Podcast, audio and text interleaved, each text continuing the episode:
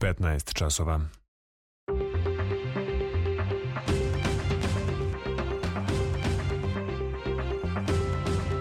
Radio Novi Sad. Novosti. Dobar dan, ja sam Slobodan Vidović. Ja sam Nikola Rausavljević. Ovo su najvažnije vesti. Zaustavljeno curenje amonijačne vode u Pančevu. Nadležni uveravaju da zdravlje građana nije ugroženo. Tužilaštvo istražuje slučaj. Cene goriva u Srbiji nepromenjene. Kompanija Continental Automotive Srbija u februaru otvara novu fabriku u Kaću. U fabrici već počela probna proizvodnja. Ruske snage zauzele Soledar, saopšteno u Moskvi. Večeras doček nove godine po julijanskom kalendaru. Naši rukometaši protiv Alžira večeras u prvom kolu svetskog prvenstva. Sutra prepodne kiša, popodne razvedravanje, temperatura do 9 stepeni, sada je u Novom Sadu 6. Bezbednost i zdravlje građana Pančeva nakon što je curio rastvor amonijaka nije ugrožen, kažu nadležni. U naselju Topola u Pančevu sinoć oko 22.30 amonijačni rastvor curio je iz autocisterne na parkingu kompanije Saga. Izveštava Aleksandra Vlajić. Brzom intervencijom pripadnika sektora za vanredne situacije zaustavljeno je curenje amonične vode iz cisterne. Zbog bezbednosti evakuisano je 30 stanovnika Topole, ali su oni, nakon što je utvrđeno da nema opasnosti, u toku noći vraćeni u svoje domove. Kaže Bora Majkić, komandant vatrogasno-spasilačkog bataljona Pančevo. Po oznaci na kamionu radi se o amonijačnom rastvoru, znači to nije čist amonijak, nešto je blaže i kažem došlo je do isticanja neke količine koju ne možemo oceniti kao katastrofalnu, već u manjoj količini, te nije izazvalo veće posledice za životnu sredinu. Na licu mesta bio je i gradonačelnik Pančeva Aleksandar Stevanović komunikacija sa našim Zavodom za javno zdravlje i rezultate merenja koje su nam oni dostavili, a koje su sprovedeni na dve referentne tačke, pokazuju da granične vrednosti koje se odnose na koncentraciju amonijaka u vazduhu, a koje su 100 mikrograma po kubnom metru, nisu premašene i imamo koncentraciju koja je manja od 10 mikrograma u jednom kubnom metru vazduha, tako da apsolutno ne postoji nikakva zagađenost vazduha izazvana ovim hemijskim akcidentom. Ipak desetak stanovnika Topole uplašenih za svoje zdravlje, a zbog lakših respiratornih problema, u tokom noći javilo se hitnoj pomoći i oni su nakon kompletnog pregleda u Pančevačkoj bolnici pušteni kućama kaže doktorka Slađana Kovačević, PR opšte bolnice Pančevo. Šest pacijenata je pregledano, kompletno internistički, laboratorijski, diagnostički. To su se bile lakše ove, kliničke slike. Čak mogu da kažem da skoro pa ništa od nekih značajnih simptoma akutnog trovanja apsolutno nije bilo. Pacijenti su svi pušteni na kućno lečenje. Takođe negde oko ponoći hitna pomoć je dovezla šestoro dece na odeljenje pedijatrije opšte bolnice Pančevo, tako da danas u razgovoru sa načelnikom pedijatrije smo ovaj, ovaj, saznali da prosto deca su kompletno laboratorijski pregledana, pedijatrijski pregledana. Nije bilo nikakvih e, znakova akutnog e, trovanja i svi su pušteni na kućno lečenje. Kako je došlo i ko je odgovoran za ovaj akcident, utvrdit će istraga. U mediji u ovom trenutku javljaju da je zbog akcidenta u Pančevu uhapšen vlasnik firme Saga kao i vozač cisterne iz koje je sinoć došlo do curenja amonijaka u Pančevačkom naselju. Topola javila je nova.rs. A o štetnosti amonijaka i uticaju na zdravlje za Radio Novi Sad govori profesor dr. Sanja Bjelović iz Instituta za javno zdravlje Vojvodine kako da prepoznamo jedino po mirisu neprijatnom. Možemo se sklonimo od njega i da ne budemo napolju u tim momentima. Prvo ono što izaziva iritacija očiju, nosne sluzokože i grla. Znači curenje očiju, nadrženi kašalj, curenje iz nosa i onda počinje polako i neki otežano disanje, bol u grudima, problemi sa disanjem. Kod hroničnih bolesnika, tek ovi koji imaju asmu, pogoršanje postojeće situacije, ako je duga izloženost, onda može da ima i trajnije posledice po respiratorne organe. Nošenje maski jedino neke N98 bi možda, možda nešto moglo da smanji količinu udahnutih čestica, ali ne gasa. Ako je gas u pitanju, on prolazi. Sem gas maske, ništa ga ne može zaustaviti. Predsednik Srbije Aleksandar Vučić izjavio je da je dobro što je sada potpuno jasno da zajednica srpskih opština mora da bude formirana, ali da ne zna kako Priština misli da je formira u skladu sa odlukom tamošnjeg Ustavnog suda. O aktualnim pitanjima predsednik je govorio na dodeli nagrada autorima fotografija sa konkursa Naša najlepša Srbija. Pojedinosti Vladimira Dojković. Sa višim savjetnikom State Departmenta predsednik Vučić kaže da je pored ostalog razgovarao o francusko-nemačkom predlogu za rešenje konačnog statusa kosmeta. Za Srbiju su ističe neprihvatljivi bilo kakav oblik priznanja ili ustupanje stolice Prištini u Ujedinjenim nacijama. O tome ne želimo da razgovaramo, to vam je sastavni deo plana. Svem ostalom, super.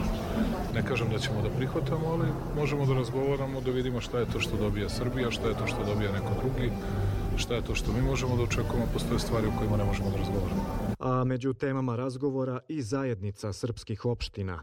Derek Ušoleu predsednik je preneo da je nemoguće ostvariti napredak ako se Priština poziva na sobstvene pravne akte jer to konstatuje obesmišljava dijalog. Pa nije trebalo da pregovaramo ako je nešto usklađeno sa vašim pravnim sistemom. Što smo uopšte pregovarali? Ako je nešto usklađeno, mora da bude usklađeno sa vašim pravnim sistemom, onda to možemo i bez dijaloga, i bez teških pregovora, i bez teških razgovora. Sumirajući rezultate posete američke delegacije, ocenjuje da je svima jasno da su poslednja dešavanja na Kosovu i Metohiji posledica jednostranih poteza Prištine. Pre odgovora na novinarska pitanja, predsednik je pobednicima konkursa za najlepšu fotografiju Srbije uručio nagrade. Među 29 objavljenih radova, prvo mesto sa najviše reakcija sviđanja posetilaca predsednikove stranice na Instagramu zauzeo je jedan gastronomski suton autorke Dragane Macure. Na tom putovanju koje je bilo prelepo na jezeru Perućac, na tom splavu, kućici na splavu, dosta fotografija je nastalo, ali ovo je bila jedna koja je odabrana znači da pobedi. Tema novog fotokonkursa za najlepše domaćinstvo u organizaciji predsednika Republike biće kuće i okućnice, bašte, dvorišta i vrtovi. Ministar spoljnih poslova Ivica Dačić priredio je tradicionalni prijem za članove vlade Srbije i diplomatski kor povodom obeležavanja nove godine po julijanskom kalendaru. Poručuje je da će diplomatske aktivnosti Srbije i u narednom periodu biti usmerene ka prioritetima spoljne politike, a to su očuvanje suvereniteta i teritorijalnog integriteta i punopravno članstvo u Evropskoj uniji. Dačić je kao prioritete istakao i razvoj dobrosusedskih odnosa i regionalne saradnje, unapređenje bilateralnih odnosa sa svim državama, a naročito negovanje tradicionalnih prijateljstva prijateljstava. Kaže da je mir u svetu danas ugrožen i da je rat u Ukrajini poprimio obeleže svetskog sukoba sa ogromnim posledicama po ceo svet, dodajući da se Srbija zalaže za mir i poštovanje univerzalnih principa međunarodnog prava. On je rekao da je Srbija iznenađena selektivnim tumačenjem međunarodnog javnog prava i istovremeno je zahvalio državama koje ne priznaju jednostrano proglašenu nezavisnost Kosova, kao i onima koje su svoje stavove korigovale i koje će ih korigovati. Dvojica mladića srpske nacionalnosti privedeni su u Klokotu jer se tokom proslave Badnje večeri u porti crkve čulo nekoliko hitaca ispaljenih u vazduh. Njima je određeno zadržavanje od, 8, od 48 sati. Kancelarija za Kosovo i Metohiju saopštila je da se time na Srbe vrši dodatni pritisak i unosi strah u srpske sredine sa jasnim ciljem da se oni one spokoje i proteraju sa svojih ognjišta. Dečak Stefan Stojanović ranjen na banji dan nedaleko od Štrpca pušten je iz bolnice u Gračanici i biće na kućnom lečenju, rekla je njegova majka Zorica. Ona je dodala da se Stefan osjeća dobro i da je srećna sa ostalim članovima porodice što im se vraća kući, preneo je RTS. Stefan i Milan Stojan, Stojanović ranjeni su u incidentu kod Štrpca kada je na njih iz pištolja pucao Albanac koji je u pritvoru. Slučaj je okarakterisan kao pokušaj ubistva. Pre Stefana na kućno lečenje pušten je Milan Stojanović, pogođen metkom u ruku. Šef delegacije Evropske unije u Srbiji Emanuel Žiofre izjavio je za radio televiziju Vojvodine da su se u odnosima Srbije i Evropske unije stvari, kako je naveo, dramatično promenile. Istakao je da je Srbija ranije izvozila robu vrednu 3 do 4 milijarde evra u zemlje Unije, a da je sada to više od 40 milijardi. Kada je reč o ratu u Ukrajini, Žiofre napomenuo da je jedan deo sankcija Rusi imao negativne posledice po Srbiji u energetici, ali da će to biti ispravljeno zajedničkom platformom za kupovinu energenata, za šta i Srbija pozvana da učestvuje učestvuje. Slušate novosti Radio Novog Sada. Najniža prodajna cena litra evrodizela i benzina u narednih 7 dana biće nepromenjena. 195 dinara za dizel, odnosno 164 dinara za benzin. Vlada Srbije ranije obnovila uredbe i odluke o naftnim derivatima i gasu, tako da je važenje uredbe o ograničenju visine cene derivata nafte produženo do kraja meseca. Kompanija Continental Automotive Srbija će, kako je najavljeno, 22. februara izvanično otvoriti novu fabriku za proizvodnju visokotehnoloških delova enterijera u vozilima. Prema rečima generalnog direktora kompanije Saše Ćoringe, u toj fabrici na domak Kaća već se proizvode prvi uzorci i teku pripreme za serijsku proizvodnju. Pojedinosti Đuro Vukelić. Nova fabrika će naprediti mogućnost da se proizvodi koji se kreiraju u istraživačko-razvojnom centru Novom Sadu u istom gradu proizvode, sklapaju i testiraju za konačnu masovnu upotrebu. Fabrika nadomaka će doprineće i novom zapošljavanju, ali i još čvršćem pozicioniranju kompanije Continental Automotive Srbija u sistemu Continental, ocenjuje Saša Ćoringa. Nije tajna, i mi već pričamo o tome, da ova fabrika koja već jeste mega fabrika, ima šansu da postaje najveća fabrika u Continental Automotive u celom svetu. Imamo 37 hektara zemlje i već planiramo ekstenziju fabrike. Ekstenzija, odnosno širenje proizvodnje, podrazumeva i novo zapošljavanje istraživačkog kadra, dodaje Ćoringa. Krajem prošle godine smo iznajmili još jedan novi prostor za razvojno istraživačkom centru, IQ centar, 6000 kvadratnih metara za naše inženjere, veoma moderno mesto, na dobroj poziciji pored sajma. I tamo će se preseliti jedna od naših divizija Smart Mobility. Sa trenutno više od hiljadu inženjera u istraživačko-razvojnom centru i širenjem proizvodnje u perspektivi i u Nišu, Continental Automotive Srbija ima šanse da u narednih nekoliko godina postane najveći srpski izvoznik, zaključuje Ćoringa. Dug stanovništva za godinu dana veći je za 7,4%, dok je dug pravnih lica i preduzetnika rastao nešto blažim tempom, navodi se u izveštaju kreditnog biroa Udruženja Banaka Srbije. Kod stanovništva najveći rast od 12,6% zabeležen je u kategoriji stambenih kredita, dok je dug po gotovinskim kreditima na kraju prošle godine bio skoro 665 milijardi dinara, što je za 6,2% više nego godinu dana ranije. Iznos odobrenih limita po kreditnim karticama za godinu dana povećan je za 2,2%, kažu u Udruženju banaka Srbije. Svet. Ruske snage su preuzele kontrolu nad Soledarom, saopštilo je Ministarstvo odbrane Rusije, navodeći da je sinoć završeno oslobađanje tog ukrajinskog grada koji je važan za nastavak uspešnih ofanziva operacije na Donjeckom pravcu. U Moskvi kažu da puna kontrola nad Soledarom omogućava presecanje puteva snabdevanja oružanih snaga Ukrajine u Bahmutu i blokiranje jedinica ukrajinske vojske koje su u njemu ostale. Ministar spoljnih poslova Turske Mevlut Čavušoglu izjavio je da Turska neće podržati ulazak Švedske u NATO ako Stokholm ne preduzme odlučne mere protiv radničke partije Kurdistana. Dodao je da je Ankara očekivala od Stokholma da poštuje memorandum o borbi protiv terorističkih organizacija, što je turski uslov za ulazak Švedske u NATO. U Stokholmu su juče održane demonstracije pristalica radničke partije Kurdistana na kojima su demonstranti ispred gradske većnice obesili za noge lutku koja predstavlja Erdogana, što je izazvalo bez zvanične Ankare. Jedan policajac je ubijen, a dva su ranjena nožem kada su pokušali da privedu muškarca u Budimpešti. Osumnjičeni je pokušao da provali u stan u tom gradu što je prijavljeno policiji koja je pokušala da ga uhapsi. Napao ih je nožem i trojicu policajaca teško povredio, od kojih je jedan podlegao povredama. Dok je napadač bežao sa mesta incidenta, četvrti policajac je pucao iz pištolja, ranio ga u nogu i uhapsio.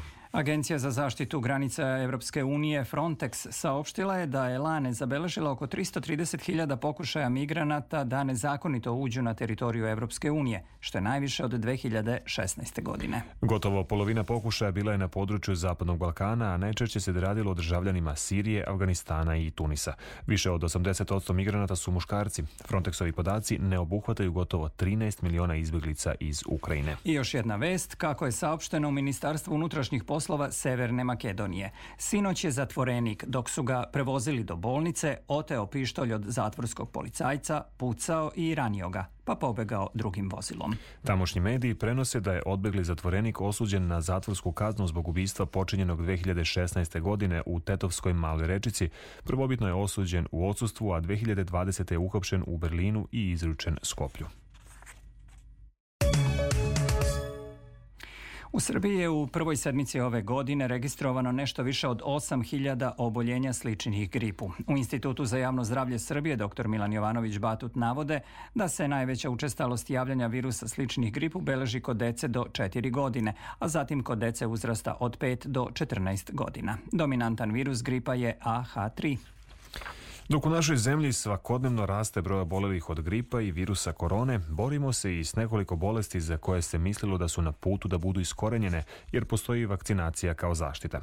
Potvrđene su male boginje kod šestoro dece. Imamo šarlah i varičele, a pojavila se i tuberkuloza u četiri porodice u Novom pazaru. Stoga pozivi za vakcinisanje dece ne prestaju. Pripremila Jasmina Dabić. Šestoro dece i jedna odrasla osoba zaraženi su malim boginjama, navodi državni sekretar u Ministarstvu zdravlja Mirsad Đerlek. Najmlađi pacijent kaže ima sedam meseci. Zaista želim da ne verujem da može da nam se desi ono što se desilo pre pet e, godina kada smo zbog te lične neodgovornosti koja je meni potpuno nesvatljiva da se deca ne vakcinišu obaveznim vakcinama koje su propisane zakonom i da ugrožavamo život svoje dece. Tada smo imali 15 smrtnih slučajeva. Obuhvat vakcinisane dece MMR vakcinom protiv malih boginja, zaušaka i rubeole trebalo bi da bude preko 95%, a u našoj zemlji je 71%, dok je u jednom gradu svega 24%. Za direktorku Republičkog fonda za zdravstveno osiguranje Sanju Radojević-Škodrić, odluka roditelja da decu ne vakcinišu je neshvatljiva. Time, kako kaže, ne samo da krše zakon, nego dovode u opasnost pre svega zdravlje i živote svoje dece, rizikujući moguće takođe da bolest preraste u epidemiju. Još jedan virus pravi veliki problem, a to je humani papiloma virus, uzročnik karcinoma grlića materice koji dnevno odnese najmanje dva života. Za borbu protiv te opake bolesti danas je potpisana deklaracija, čiji je jedan od ciljeva vakcinacija 90% dece u našoj zemlji protiv tog virusa, ocenjuje ministarka zdravlja Danica Grujičić. To nije nikakav eksperiment. Znači, to je vakcina koja je dokazana na milionima i dečaka i devojčica koji su je primali u zemljama koje već uveliko daju tu vakcinu. Prema tome ne postoji nikakva opasnost da će se nešto iskomplikovati ili da će e, ta deca imati bilo kakve probleme vezano za genitalne organe. E, moj poziv jednostavno kao ministra zdravlja, kao neko ko je odgovoran za to da se smanji e, smrtnost od malignih bolesti za koje smo mi nažalost na vrhu u Evropi jeste upravo, evo, moćno preventivno preventivno sredstvo, molim vas vakcinišite se. Od uvođenja besplatne vakcine protiv HPV virusa pre dve godine u našoj zemlji je više od 15.000 dece vakcinisano prvom dozom. Vakcinacija se obavlja u uzrastu od 9 do 19 godina. Ovo su novosti prvog programa radija Radio Televizije Vojvodine. Tradicija slavljenja dve nove godine nastavlja se širom Srbije. Uz bogat muzički program i vatromet, građani večeras dočekuju Srpsku novu godinu. A kako su gradovi organizovali doček, beleži Željana Ostojić. Iako smo novu godinu po Gregorijanskom kalendaru dočekali pre dve nedelje, sudeći prema reakcijama građana pred večerašnji doček, praznično raspoloženje i dalje traje. To nam je najbitnija nego ova i uvek je slavimo. Možda ćemo negde malo izaći. Slaviću u okrugu porodice. Znači, uglavnom po neki kafići i to. Jako nije toliko priznata kao, da kažemo, zvanična, slavimo. Ne više od 20 lokacije Novosađani će zaokružiti manifestaciju doček i ujedno se oprostiti od titule Evropske predstavnice kulture, kaže port parolka fondacije EPK 2022 Gala Gajin Milutinović. Osim stranih izvođača, doček će obogatiti i brojni nastupi domaćih muzičara konstrakta koja dolazi sa zemljom koja gruva.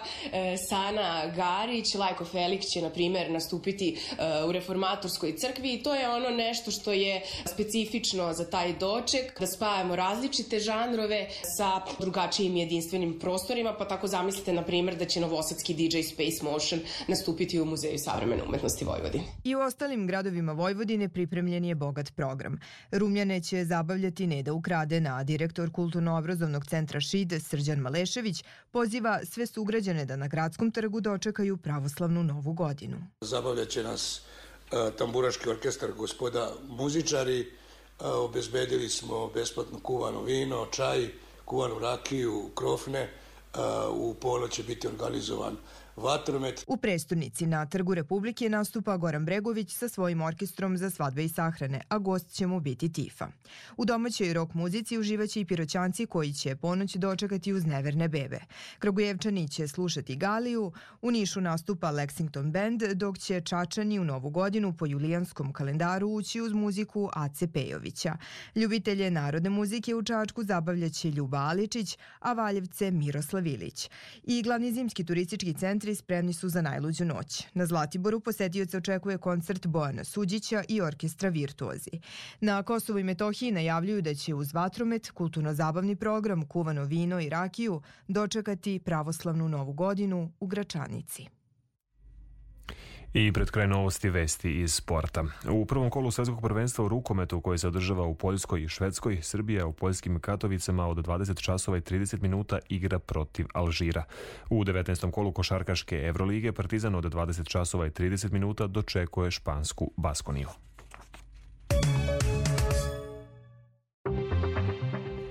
Petak je 13. januar. Podsjećamo na najvažnije vesti. Zaustavljeno curenje amonijačne vode u Pančevu nadležni uveravaju da zdravlje građana nije ugroženo. Uhapšeni vlasnik firme Saga kao i vozač cisterne iz koje je sinoć curio amonijak. Cene goriva u Srbiji nepromenjene. Kompanija Continental Automotive Srbija u februaru otvara novu fabriku u Kaću. U fabrici već počela probna proizvodnja. Ruske snage zauzele Soledar, saopšteno u Moskvi. Večeras doček nove godine po julijanskom kalendaru. Sutra prepodne kiša, popodne razvedravanje. Evo detaljnije prognoze. U Vojvodini u subotu prolazno na oblačenje sa kišom ujutru i prepodne. Oblaci odlaze ka jugu i na severu Vojvodine se razvedrava u toku prepodneva, a od sredine dana i u ostalim predelima. Vedar slab umeren severni i severozapadni. Pretisak iznad normale. Minimalne jutarnje temperature od 1 do 3, a maksimalno od 6 u Vršcu do 9 stepeni na severu Vojvodine. U Vojvodini u nedelju suvo sa sunčanim periodima i topli od proseka. Od ponedeljka do petka vrlo toplo za otoba godine uz umeren do pojačan južni i jugoistočni vetar i uz povremena na obločenja sa prolaznom kišom. Za Novi Sad Stanko Sparavalo, Meteos. Slušali ste novosti prvog programa radija Radio Televizije Vojvodine. Ovu emisiju možete slušati odloženo na sajtu rtv.rs gde možete pročitati sve važne informacije iz zemlje i sveta. Emisiju tonski realizovao Zoltan Feher, producent Branislava Stefanović, pred mikrofonom bili Slobodan Vidović i Nikola Rausavljević. Posle Radio Sporta i vesti u 16 časova možete slušati emisiju o turizmu Peta strana sveta.